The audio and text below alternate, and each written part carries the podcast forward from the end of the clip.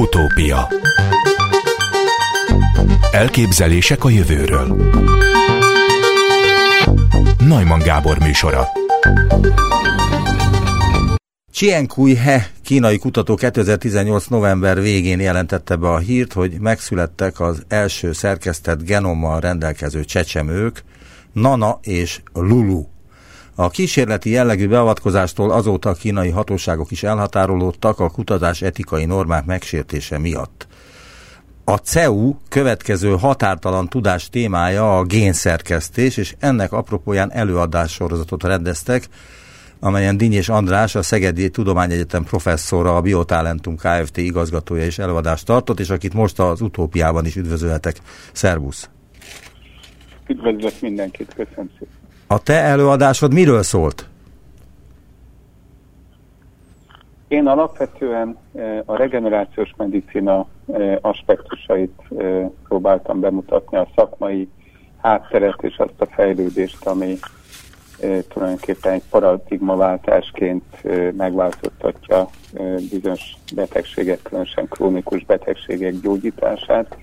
Ugyanis ebben a folyamatban is számos olyan elem van, ami szükségessé teszi esetleg a genetikai anyag meg, megváltoztatását, akár úgy, hogy génmódosítunk, tehát beviszünk géneket, vagy úgy, hogy a gének működését módosítjuk, ami a természetes folyamatokban is állandóan megtörténik, de ez esetben irányítottan például testi sejteket újra programozunk, úgynevezett pluripotens, tehát minden sejti alakulni képes őssejtekké. Alapvető kérdésként tette föl a CEU, hogy tudunk-e már eleget ahhoz, hogy beleszerkesszünk az emberi génekbe? És azt kérdezem tőled, amit a CEU kérdez, tudunk-e már eleget ahhoz, hogy beleszerkesszünk az emberi génekbe? Hát nagyon sokat tudunk, és a, az emberi génekbe e, e, ugye e, elkezdtünk beleszerkeszteni, azt azért fontos és fontos tudni, hogy a természet folyamatosan szerkeszti a génjeinket, tehát a, a gén, génjeinkbe mutációk keletkeznek, a környezetünkhöz hosszú távon evolúciósan úgy alkalmazkodunk, hogy az egész faj úgy fejlődik, hogy a génjei változnak. Tehát ez egy természetes folyamat. A rövid távon pedig a géneknek a működése az folyamatosan változik, egy időjárástól, étkezéstől, mozgástól, betegségektől függően folyamatosan alkalmazkodunk, a gén, nem a gén sorrend, hanem a gének működése változik. Tulajdonképpen ugyan nem a genetikai anyagot módosítja például a, a legújabb RNS vakcinák, tehát a Pfizer vakcinája, vagy a Moderna, hanem egy genetikai üzenetet ad a sejteknek, ami ideiglenesen ott alkalmassá teszi a sejteket arra, hogy a, a vírusnak a fehérjét kifejezzék, azokat legyártsák, de maga a genetikai anyaga például nem változik meg a sejteknek, de mégiscsak genetikai információval úgymond szerkeztünk bele ideiglenesen a rendszerbe. Tehát tulajdonképpen nem az a nagy kérdés, hogy beleszerkeztünk vagy sem. Az a nagy kérdés, hogy mi az, amit a társadalom meg a, a tudomány veszélytelennek tart, és mi az, amit még kockázatosnak. A kínai példa azért volt nagyon fontos, mert ott egy, is mondjam, túlbuzgó és kicsit hírnét hajhátó kutató olyat tett, amire jelenleg azt mondja a társadalom, és a tudományos társadalom, hogy ezt nem kéne megtenni, tehát a következő generáció génjeit eh, állandóan, eh, tehát örökletesen nem lenne szabad megváltoztatni. Amit jelenleg is tesznek egy bizonyos betegségek esetén, már több klinikai kipróbálás alatt álló génterápia van, ahol a betegséget megpróbálják úgy gyógyítani, hogy egy hiányzó gént vagy egy elromlott gént kicserélnek, de, de ezt jelenleg úgy teszik, hogy nem az ivarsejtekbe és nem a következő generációba öröklődjön. Mikor egy embrióba, egész korai állapotban hajtanak végre egy ilyen módosítást, vagy ivarsejteken, akkor az öröklődhet több generációnál. És ez az az érzékeny pont szakmailag és etikailag, amit jelenleg még e, nem preferál se a tudomány, se, a szabályozó hatóságok.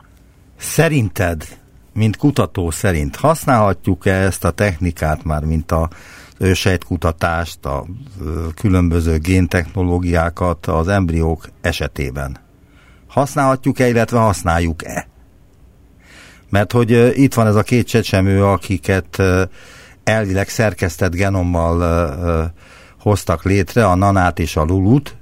Őrülük tudunk valamit, hogy léteznek, élnek még, vagy, vagy mi van velük? Biztos élnek, mert akkor a hibát nem követett el a kutató, csak ami, tehát bizonyos engedélyekkel rendelkezett, de nem minden engedéllyel, nem széles körülvel, és a kínai hatóságok is úgy ítélték meg, hogy nem járt el megfelelő gondossággal, és ezért börtönbüntetést kapott.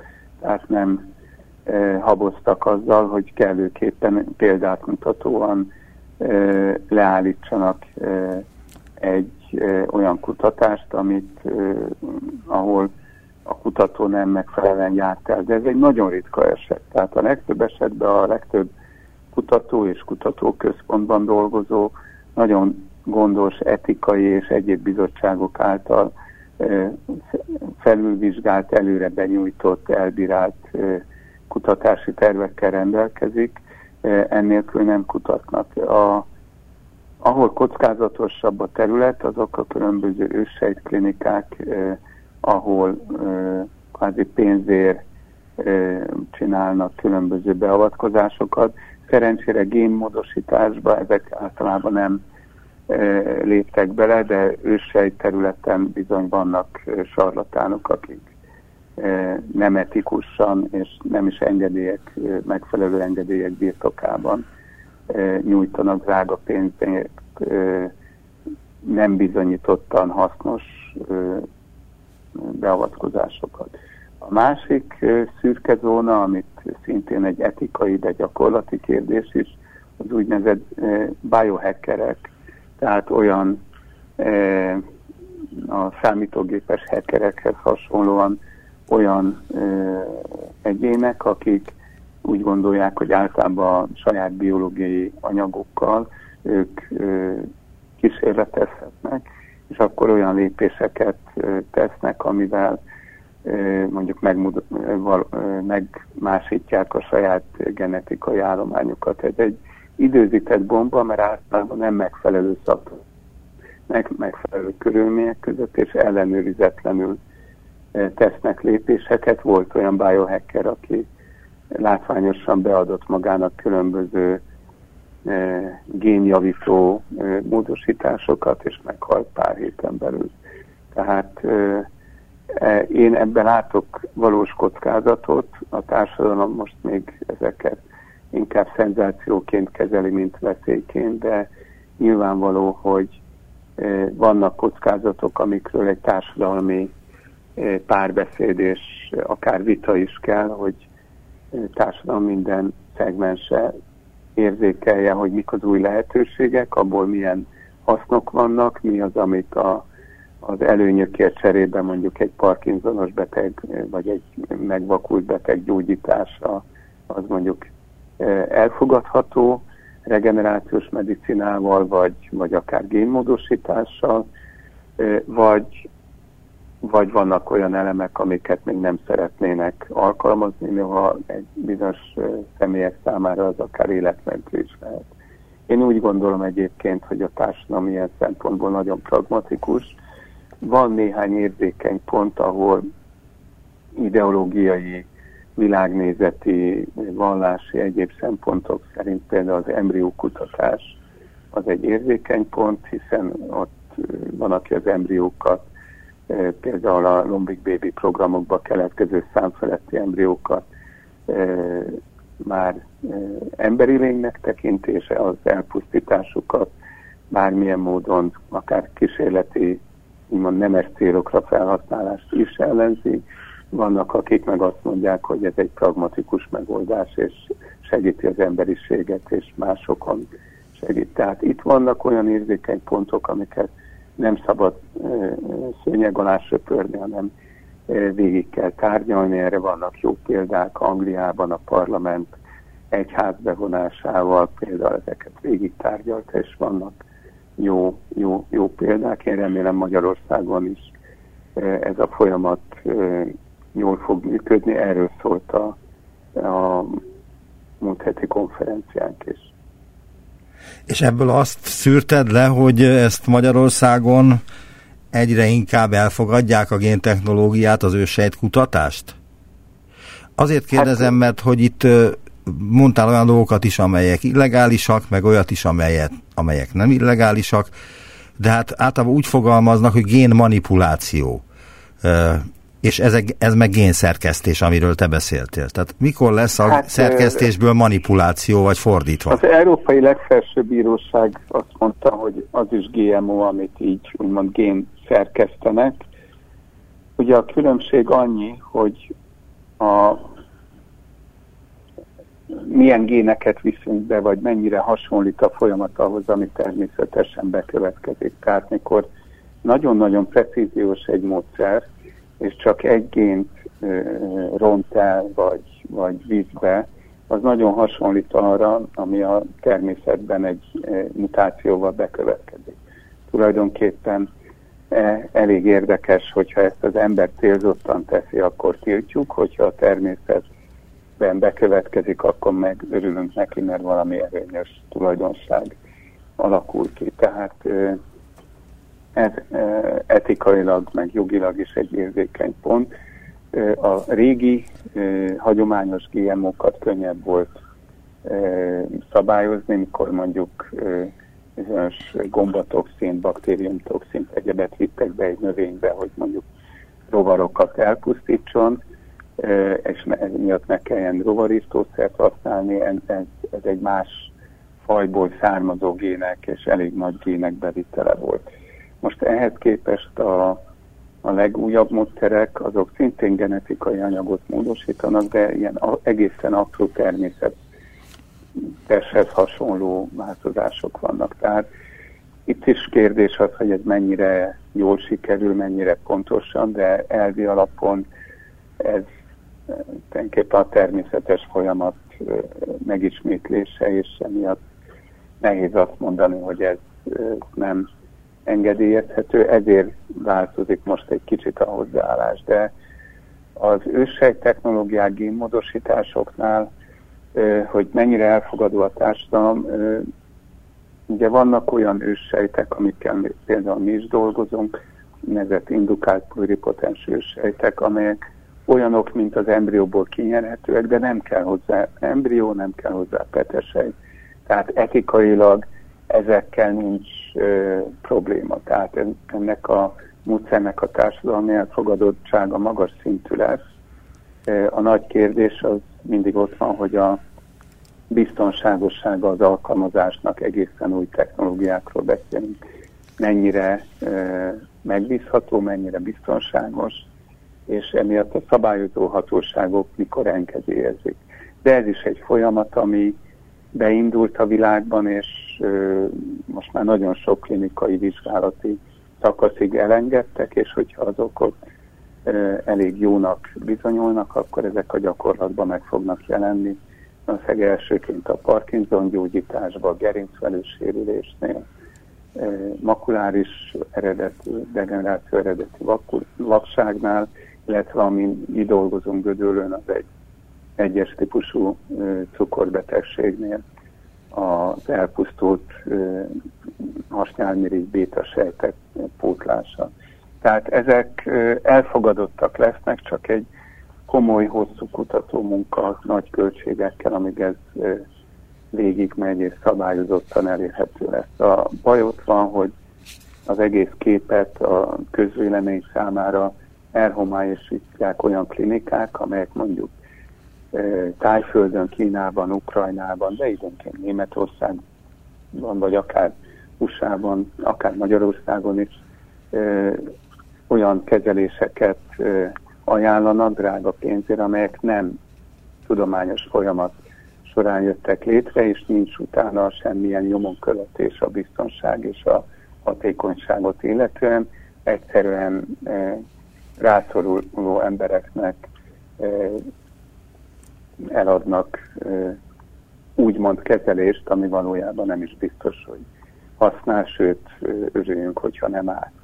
Tehát ez a baj, hogy vannak legitim kutatások, amelyek haladnak előre, és vannak ilyen paraziták, akik meg próbálnak haszonhoz jutni az embereknek a rászorultságában. Az előbb azt mondtad, hogy van egy határ, például az lehet, hogy ne öröklődjön a genetikai beavatkozás.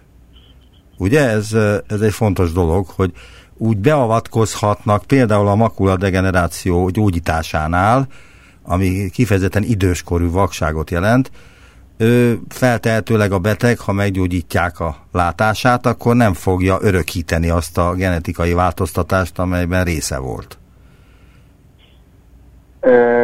Nem, ez nem így van. Tehát ez esetben örökíteni fogja, mert hogyha egy genetikai háttere van ennek, tehát hogyha szerzett károsodás, akkor az nem öröklődik. De hogyha egy genetikai oka volt, és számos szembetegségnél genetikai oka van, akkor ha a szembe van egy génterápia, az azt jelenti, hogy a gyerekeiben az illetőnek a betesejtekkel vagy spermiummal épp úgy öröklődik, az örökítő anyaggal öröklődik a betegség. A betegség öröklődik, de a beavatkozás, hogyha sikerül meggyógyítani. A beavatkozás az nem, nem érinti azt, hogy a gyerekeibe ezt örökíti-e. Előtte, utána épp úgy örökíteni fogja. Azért kérem, hogy elképzelhető, hogy ezt engedélyezni fogják? De elképzelhető... Amit nem örökít, azt jelenleg a, a Svájcban, ugye magyar származású, nagyon neves kutató Roska professzor, ő, ő ezen dolgozik. Tehát lehet, hogy előbb-utóbb talán én remélem még Nobel-díj is eljut, hogyha sikeresen halad előre, ő több szembetegséget szeretne genetikai beavatkozással, génterápiával gyógyítani. Igen, készített, készítettem vele interjút ebbe a műsorba. Így van, pontosan. Viszont azért logikus lenne az, hogyha megvan hozzá az eszközünk, hogy egy generációba meggyógyítsuk, akkor ne örökítsük tovább a következő generációra az ismert hibát, hiszen ezzel minden generációt függővé teszünk az orvoslástól, ahelyett, hogy egyszer és mindenkorra megoldanánk egy problémát. De ez az az érzékeny kérdés, amit valószínűleg meg kell majd vitatni a következő 5-10 évben, és akkor eljutni oda, hogy, hogy a társadalom dönt, hogy akkor most már ezt elég biztonságosnak érzi, és akkor nem minden generációban újból és újból kezeli az életőt, hanem egyszer és mindenkorra meggyógyítja egy betegségből.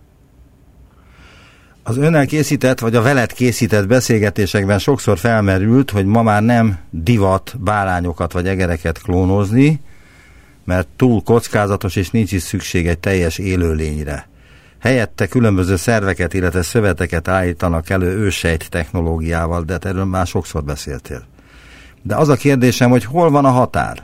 Tehát meddig terjed ki egy szerv uh, működése, amikor, ameddig még nem okoz erkölcsi problémát a létrehozása? Ö, tehát klónozás van továbbra is, mert ö, az egy eszközrendszer, ö, tehát az egyik kutatási irány Németországban nagyon nagy projektek vannak rá, hogy hogyan lehetne állatból beültetni emberbe ö, szerveket, és itt ö, genetikailag módosított ö, klónozott ö, sertésekkel lehet dolgozni részben, tehát a sertésben a genetikai módosítás ö, folyamatában van klónozási lépés, és ezeket a szerveket próbálják úgy megváltoztatni, hogy az emberi szervezetből ne lökrödjön ki, és ezért életmentően mondjuk egy szívátültetést, vagy májátültetést, vesét, akár hasnyálmirigyet is be lehessen ültetni nyilvánvaló, hogy ö, rengeteg kihívás van, és itt is van egy etikai kérdés, hogy akkor most egy állati szervet ö, elfogad-e valaki, de azt kell mondanom, hogy pragmatikusan ö, általában társadalom, hogyha valakinek az embernek az életét meg kell és meg lehet menteni, és más megoldás nincs, akkor ö, el szokta fogadni azt, hogy ö, úgymond szokatlan, egészen új megoldások vannak. Tehát annak idején a szervátültetések körül is voltak viták, hogy etikus egy úgymond halott, vagy frissen meghalt, vagy agyhalott embernek a szerveit életmentésre felhasználni más emberbe, és ma már ez egy elfogadott, fontos technológia. De nincs elég szerv, tehát hogyha állatok szerveit lehetne erre használni, azt hiszem ezt el fogja fogadni a társadalom. Az egész világ most a COVID-19 ellen küzd, több-kevesebb sikerrel, most éppen nem áll jó a szénánk, legalábbis nekünk magyaroknak. Az ősejt technológia milyen szegmensében tudott részt venni ennek a világkutatásnak, ami a COVID-19-el kapcsolatos? Hát úgy általában a sejt, sejtes technológiák nagyon fontosak, vakcinagyártásban is. A, az olyan őssejt módszerek, amikkel én dolgozom, ezek a pluripotens őssejtek, ezek a kutatásban elég fontosak, tehát a COVID vírusnak a, a, a interakciója a sejtekkel, szövetekkel, tüdőszövetben, agyszövetben, szívizomban, és ugye sajnos tudjuk, hogy nagyon sok más szervben is negatív hatása lehet, akár az ivarszervekben is. Ezeknek a modellezésére használják ezeket az őssejteket. Nyilvánvaló, hogy egy másik fontos aspektus lehet, hogy az immunrendszert hogyan tudnánk erősíteni, de erre még tehát a jelenlegi válaszok, ami gyorsabb, hatékonyabb, az a vakcina megoldás, és a vakcina gyártásnak különböző formái használják, tehát ez, ez, a, ez van a fókuszban. A regenerációs medicinát most ebben nem használták, hosszú távon nyilvánvaló, hogy látjuk, hogy egy szívbeteg, egy cukorbeteg, tüdőbeteg sokkal érzékenyebb a Covid-ra, és sokkal inkább belehalhat. Tehát, hogyha ezeket a betegségeit, úgymond regenerációs medicinával lehetne gyógyítani, akkor úgy általában ellenállóbb, egészségesebb, jobb esélyekkel indulna nem csak a Covid-nál, hanem bármilyen baktériumfertőzésnél, vagy más vírusfertőzésnél, hiszen a influenzától kezdve nagyon sok egyéb fertőzés velünk lesz. Tehát ez a Covid vakcinázás nem fogja megoldani azt, hogy számos bakteriális vírus, vagy akár bomba fertőzés fenyegetheti egy idős embernek a törékeny szervezetét. Tehát közvetlenül most nem ezt jelentette az áttörés, de, de az egész orvostudományban egy komoly forradalom zajlik, aminek része az ősejtkutatás, a generációs medicina és a genetikai módosítás is. Még egy utolsó kérdést tennék föl. Ismered Karikó Katalint? Ismerem, nem, sajnos nem igazán közelről, pár éve volt a, a BioNTech-kel egy közös Európai Uniós projektbeadásunk, illetve Facebookon, egyéb vonalakon időnként üzenetet váltunk, tehát igen, és hát nagyon remélem, hogy talán Nobel-díjra érdemesnek tartja majd a bizottsága. Tudom, hogy sokan jelölték, tehát drukkolok, hogy legyen megint magyar Nobel-díjas. Köszönöm szépen az interjút. Dinyés András, a Szegedi Tudományegyetem professzora, a Biotalentum Kft igazgatója volt az utópiában. Szervusz, minden jót! Köszönöm szépen, jó egészséget! Utópia Szerintem van annak már három éve, hogy ebben a műsorban interjút készítettem önnel, és ebben a beszélgetésben meglepő dolgokat mondott. Vendégem Cigler László, biológus, ökológus, szervusz, jó napot kívánok! Szervusz, jó napot, üdvözlöm a hallgatókat is! Például azt is, hogy éveken belül emelkedni fog a tengerek vízszintje, mondtad te, mert a globális felmelegedés miatt elolvad a sarki jég, és ettől 5-10 méterrel magasabb, vagy 20 méterrel lesz a tengerek vízszintje. Még ez nem következett be? Mert mi még történt? Ez, még ez, de te is látod, nem. Nem, de e, igazából ez nem egy ilyen lassú, egyenletes folyamat lesz, hanem e, úgy hirtelen fog egyszerre sok vízünk, többletvízünk lenni. Ugye az északi tengeren úszójég van, és az úszójég olvadása nem emeli a vízszintet meg. Igen, az de most leszakadt az, leszakadt az Antarktiszról egy uh, Anglia nagyságú jéghegy, vagy valami ilyesmi. Igen, de az is egy ilyen félig meddig úszó darab volt, tehát nem a szárazföldről csúszott be egy darab, hanem, hanem ő, ő még ő már ott úszkált be, nem az a probléma, hogy most ő beszakadt, hanem a, jövőre való tekintettel, ő amíg ott volt, ő a víz ha felhajtó ereje, meg egyéb okok miatt, ő tartotta a mögötte lévő szárazföldön lévő jeget. Ja, és hogy az, amit tartott, az fog szépen becsusszanni az az fog becsúszni, vagy hát időjárástól függően lassan belecsúszik, vagy hirtelen valahol eltörik, és akkor egy szép nagy darab belezúdul, még egy Anglia nagyságú, és ez azért akkor, hogyha az úgy lezuhan, akkor nem csak a mennyisége van benne, hanem ezért elindít egy lökés hullámot. És készítettek ezzel kapcsolatban az időjósok, az ökológusok, biológusok modelleket? Vagy lehet ilyenre modelleket készíteni manapság? Hát erre nem a biológusok csinálják a modelleket, hanem, hanem erre vannak geográfusok, geológusok, akik ezzel foglalkoznak. De készítettek ők ilyen uh, modelleket? Tudtam, igen. Aha. És ezek hát a... elég sok a bizonytalanság, mert, mert hol reped meg, meg ilyenek, de ha lejön, az nem jó. Na most akkor azzal hívtalak föl telefonon ezelőtt egy héttel, hogy hogy én most visszaolvasom neked azokat az eseményeket, amelyeket kb. három évvel ezelőtt megjósoltál. Legalábbis azt mondtad, hogy az emberiség nem változtat a viselkedésén, mármint hogy a károsanyag kibocsátásán, akkor ezek be fognak következtetni. Be fognak következni. Mint például, amit most legelőször kérdeztem, hogy miért nem emelkedett az óceán vízszintje, de csak attól függött, hogy éppen nem az a jég esett bele az óceánba, aminek be kellett volna esni ahhoz, hogy emelkedjen? Attól függ. E, amit, amiről beszéltünk két-három éve, az, az, az egy e, nagy tudományos összefogás vizsgálatának az eredménye, ami, ami én is előtte ugyanezen a véleményen voltam, csak megerősített.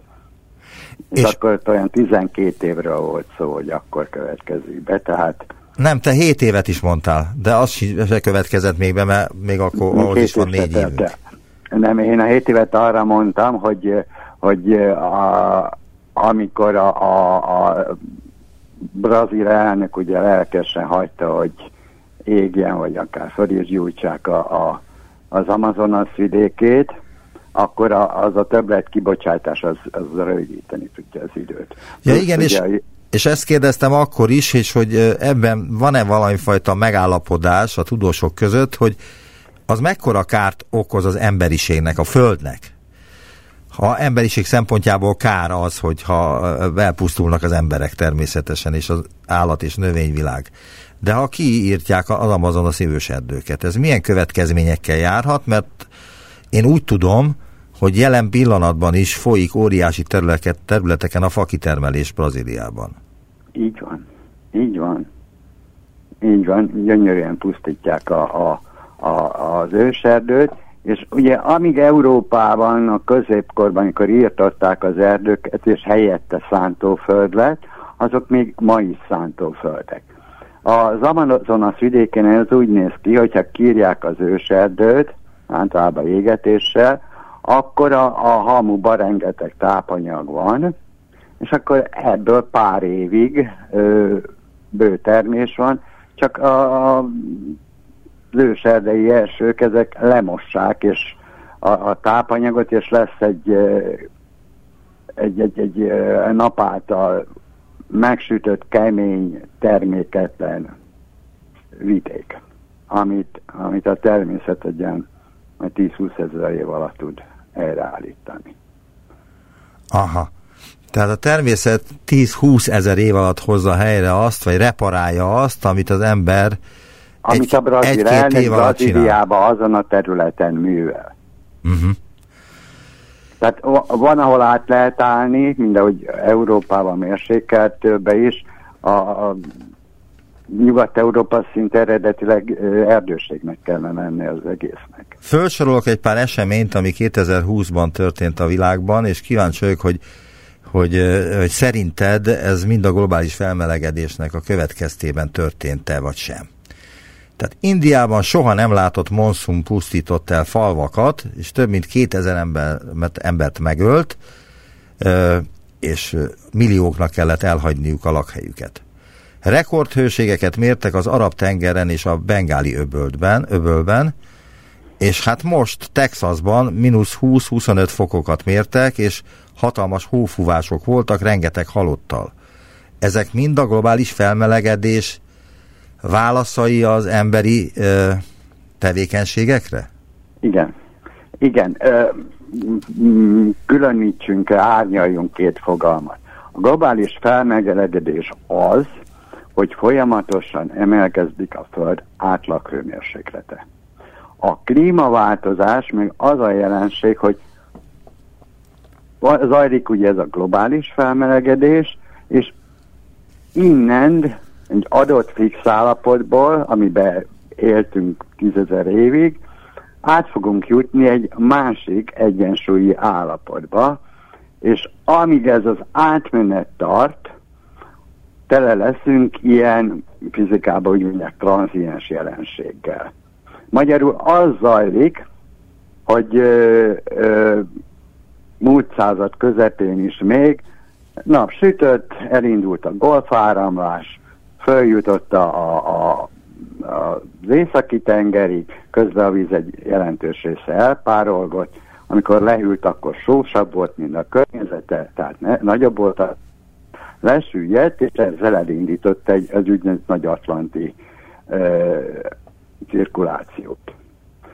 Ez viszont azt is jelentette, hogy így felhozta a meleget, és a, a, Európában melegebb van ö, a golfáramlattal, mint ö, golfáram, a golf áramlat nélkül lenne. Most, hogy ö, plusz felmelegedés van, nagyobb az üvegházhatás, ezért, ami följön a golfáramlattal víz, az ott annyi hőt ad le még, hogy olvasztja az északi sark jegét. A jég az meg gyakorlatilag tiszta víz, és azzal, hogy ez beleolvad ebbe a, elsósuló golfáramlatba, az fölrigítja, emiatt ez nem süllyed le.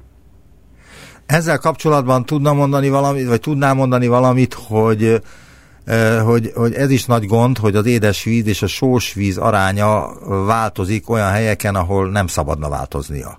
Jó, be szeretném fejezni még. Igen, Jó, igen. ezt a gondolatmenetet, ne arra úgy is félbeszakítottalak.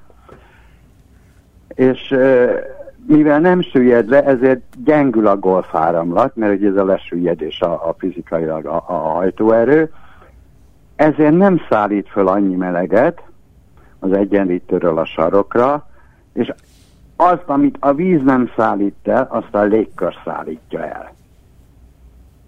Innentől jönnek azok a jelenségek, hogy, hogy a, a, nagy meleg tömeg, légtömegek, azok nyáron tornádókat okoznak, az, hogy megváltozott az áramlási rendszer, azzal adott helyeken rekordhőséget produkálnak. Ugye a melegebb a tenger az indiai óceánon, akkor a monszun is durvább lesz, mert több, több csapadékot tud elvinni a melegebb tengerről, több párak képzelik abból, több fel és nagyobb felhőszakadások lesznek. Ezért van a, olyan monszun Indiában ezek szerint. Igen, igen, igen. Az araboknál meg hát megszorult egy kicsit ez a jó meleg levegő, aztán ott is jó meleg lett. A, a texasi hideg az ugyanennek a folyamatnak a része, mert az, ami e, meleg levegő fölnyomul a sarokba, az északi sarkra, az onnan a hideg levegőt valamerre fele lenyomja. Ez mivel az észak-amerikai kontinensen a, a hegységek azok észak-déli irányúak, tehát középen van egy szélcsatornájuk, ahol akadálytalanul tud lezugni a hideg. Ezért van az, hogy Texasban úgy, amit úgy lenyomott, az ott... De eddig ez miért nem volt így? Tehát eddig Texasban... Nem volt ekkora, nem volt ekkora a hajtóerő. Aha. Tehát, hogy a mennyiségnek a nagysága változtatta meg Texas időjárását most. Igen. Na hát meg, megnézzük ö, ö, Európát, vagy Eurázsiát, nekünk szerencsére a hegységrendszerek keresztbe mennek, tehát kelet-nyugati irányba, de hát a saját időjárásunk is hogy nézett ki. Egyik héten 16 fok meleg volt, a másik héten meg mínusz 10 fok volt, most meg tegnap előtt, vagy mikor dölt meg. Megint meleg rekord. Hát nem is 40 fokos hőmérséklet különbségeket produkálunk, de, de egy 20 fokot itt is tudunk tapasztalni. Azt kérdezném, hogy Magyarországon milyen időjárási jelenségek emlékeztettek, vagy emlékeztetnek minket a klímaváltozásra? Az, hogy amit az előbb is mondtam, hogy azért amíg régen olyan egy hideg front, betöréssel egy 5-10 fokot tudott hűlni a levegő, most uh, tud 20-at. Plusz 10-ről mínusz 10-re. Aha. Uh, csapadék, egyre kevesebb lesz a csapadékunk. Tehát uh, a száj fenyeget. Másrészt viszont, ha lesz csapadékunk, akkor egy beszakad le a nyakunkba. Tehát lehet, hogy egy havi csapadék mennyiség leesik három óra alatt, aztán utána meg semmi. Milyen időjárási De... kategóriához kapcsolódik, vagy tartozik majd Magyarország akkor? Tehát, hogy most jelen pillanatban, hogy hívják a mostani időjárási kategóriát, ami a Magyarország van? Hát mérsékelt. Mérsékelt. Ilyen mérsékelt kontinentális szárazföldi valami. Igen, ezt akartam, kontinentális száraz időjárásban laktunk az elmúlt pár ezer évben itt a Kárpát-medencében, és akkor mibe, mi, mi, mivé alakul ez? Merre váltunk? Mediterrán felé, vagy Mediterrán trópusi? felé, a melegedés felé, és a dinamikájába is a mediterrán felé, tehát ahogy valamikor az alatmegy énekelte hosszú forró nyarunk lesznek. De hát a görögöket, a törököket, stb. mi irigyeltük az időjárásukért évtizedeken keresztül. Hát azt csinálunk, amit akarunk, akarjuk irigyet továbbra is. Tehát nem lesz jobb De... nekünk akkor, amikor itt mediterrán időjárás lesz?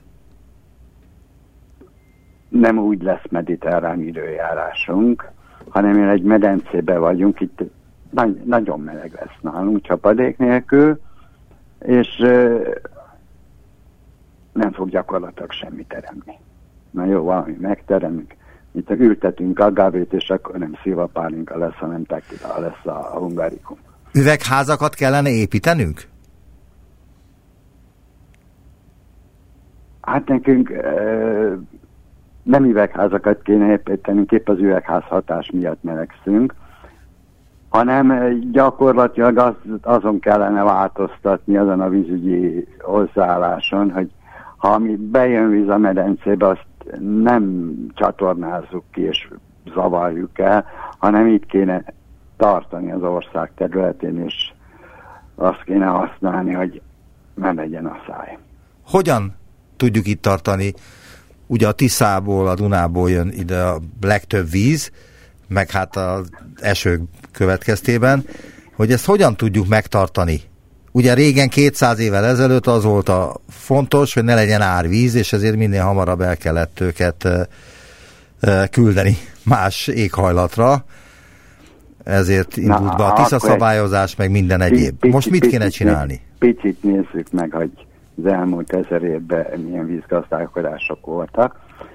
Amikor bejöttünk a Kárpát-medencébe, akkor már akkor is létezett, de mi magunk is azt műveltük, egy foggazdálkodás nevű rendszer volt. Ami arról szólt, hogy ha jött egy árvíz, akkor azt szétterítettük az Alföldön. Aha. És az, ahogy szétterítettük, utána annak a jelentős része beszívódott a talajba, és még a várai professzor a, a, a Takiból végzett vérései alapján egy-egy ilyen árvízzel a talajba két év víz szükségletét tudunk elrakni.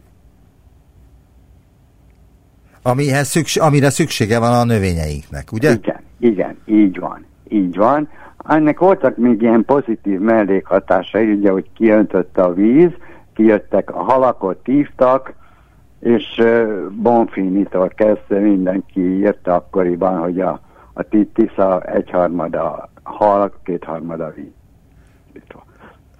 Igen. Ezek voltak a régi szép idők? Ez voltak, voltak a, a régi szép idők. Na, akkor jöttek a török vendégmunkások Mohács után, és uh, mi el akartunk bújni, hogy ne gyilkolássanak minket, és ezeket a helyeket, ott kiengedtük uh, a vizet, ezek az úgynevezett fokok, ezeket eltömtük. A nagy árvíz kijött, átbukott a, a, a tömésen, és mivel el volt tömve, vissza már nem folyt. Tehát elmocsarasítottuk az alföldet védelmi céllal. Igen, de hát ennek ugye katonai és állami vagy társadalmi okai voltak, és nem foglalkozott akkor senki azzal, hogy most kiszárad-e a föld, vagy nem szárad ki. Nem, Amikor... nem, az, az, az sokat dagos szempont volt.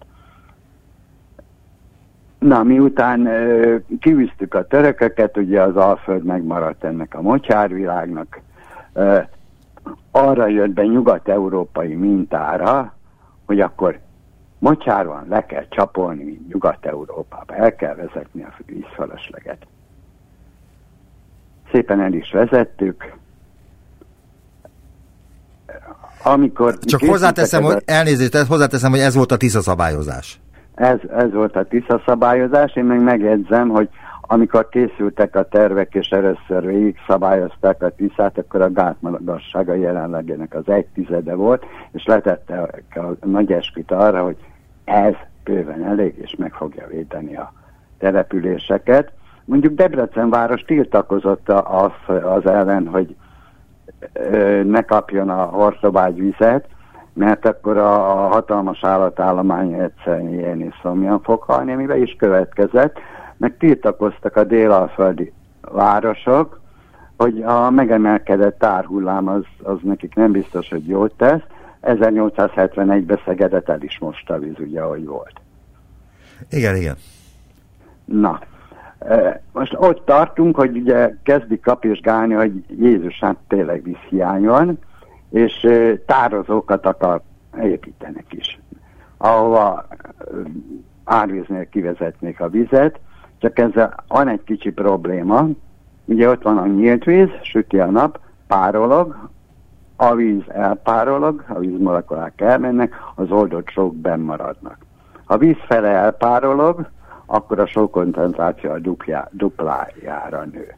Tehát elszikesedik a talaj magyarul. Elszikesedik a talaj, ezzel öntözünk. Tehát akkor nem lehet a, az, ezen a talajon gabonát, vagy gyümölcsöt, vagy bármit termeszteni. Hát és... a szikesed jelenleg az ország területének a 15 a Szikes a szántott területünknek a 25 a különböző mértékben. És milyen, mi, a... milyen volt ez az arány ezelőtt mondjuk 100 évvel, vagy 200 évvel?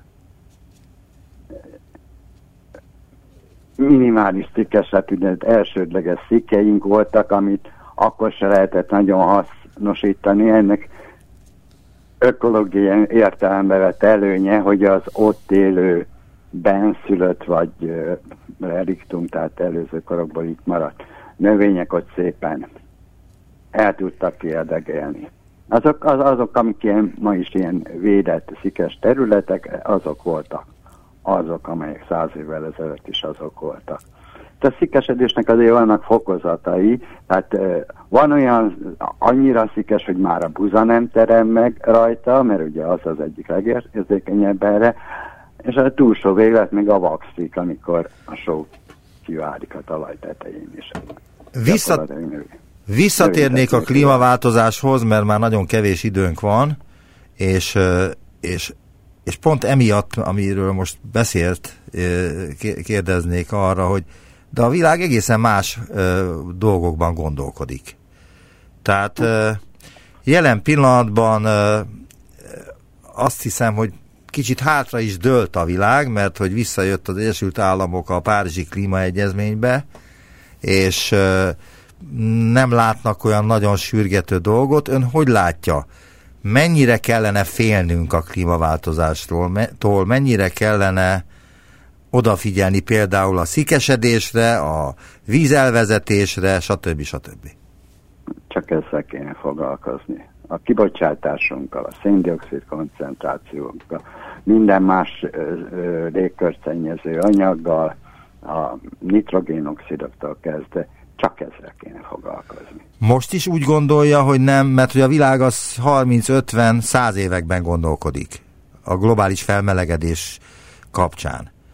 És ön azt mondja, hogy nem 30-50 években kellene gondolkodni, hanem maximum 5-10 években. Ezt most is így látja? Ezt nem csak én mondom így. Amikor múltkor beszélgettünk, akkor egy ENSZ jelentésről beszélgettünk, amit, amit, amit már nem emlékszem, de több ezer tudós közös munkája eredményeként hoztak össze. Ehhez amiről, igen? Am, amiről, amiről te beszélsz, ez, ez Erről a politikusok beszélnek, meg gazdasági szakemberek. Hát de sajnos ők verik a tamtamot. Ő adja, hát, ők adják a pénzt. Valamibe ki kell halni. Európában a tavalyi, vagyis a 2020-as év volt a legmelegebb év a mérések óta. De ezt úgy, úgy nagyjából a ipari forradalom kezdetére is teszik, tehát a, attól kezdve rendelkezünk különböző időjárási, meteorológiai adatokkal, és a tudósok úgy látták, hogy a tavalyi volt a legmelegebb. Magyarországon nyáron felhőszakadások és viharok ö, okoztak jelentős károkat. Ön szerint, vagy szerinted mire készülhetünk idén nyáron? Mire számíthatunk? Ugyan, ugyanerre, csak ugyanerre vagy rosszabbra. Aha. Azzal, hogy itt a pandémia miatt volt egy leállás. Kibocsá, igen, leállás, ezzel annyit tudtunk elérni, hogy az, ami a brazil őserdőkből, meg az Ausztráliaból, a bozótüzekből származó többletnek a többlete, érte a terhelést, mi a, a, a, a, azt a terhelés többletet tudtuk visszavenni, tehát a, a növekedés még zajlik. Csak nem ugrott nagyot. Hát szé- köszönöm szépen a beszélgetést, és hát nem tudunk se... Amíg nem pusztulunk ki, addig tudunk erről beszélni. Igen, tanulságokat úgyse tudunk mondani, csak azt, hogy itt az emberiség saját maga alatt vágja a fát, és nem veszi észre, hogy ez a fa egyre kisebb átmérőjű, és ez a dőlés ez szinte már megállíthatatlan. Legalábbis én így látom, veled beszélgetve. Cigler László, ökológus, biológus volt az utópiában. Szerbusz viszont hallásra. Szerbusz viszont. Szia.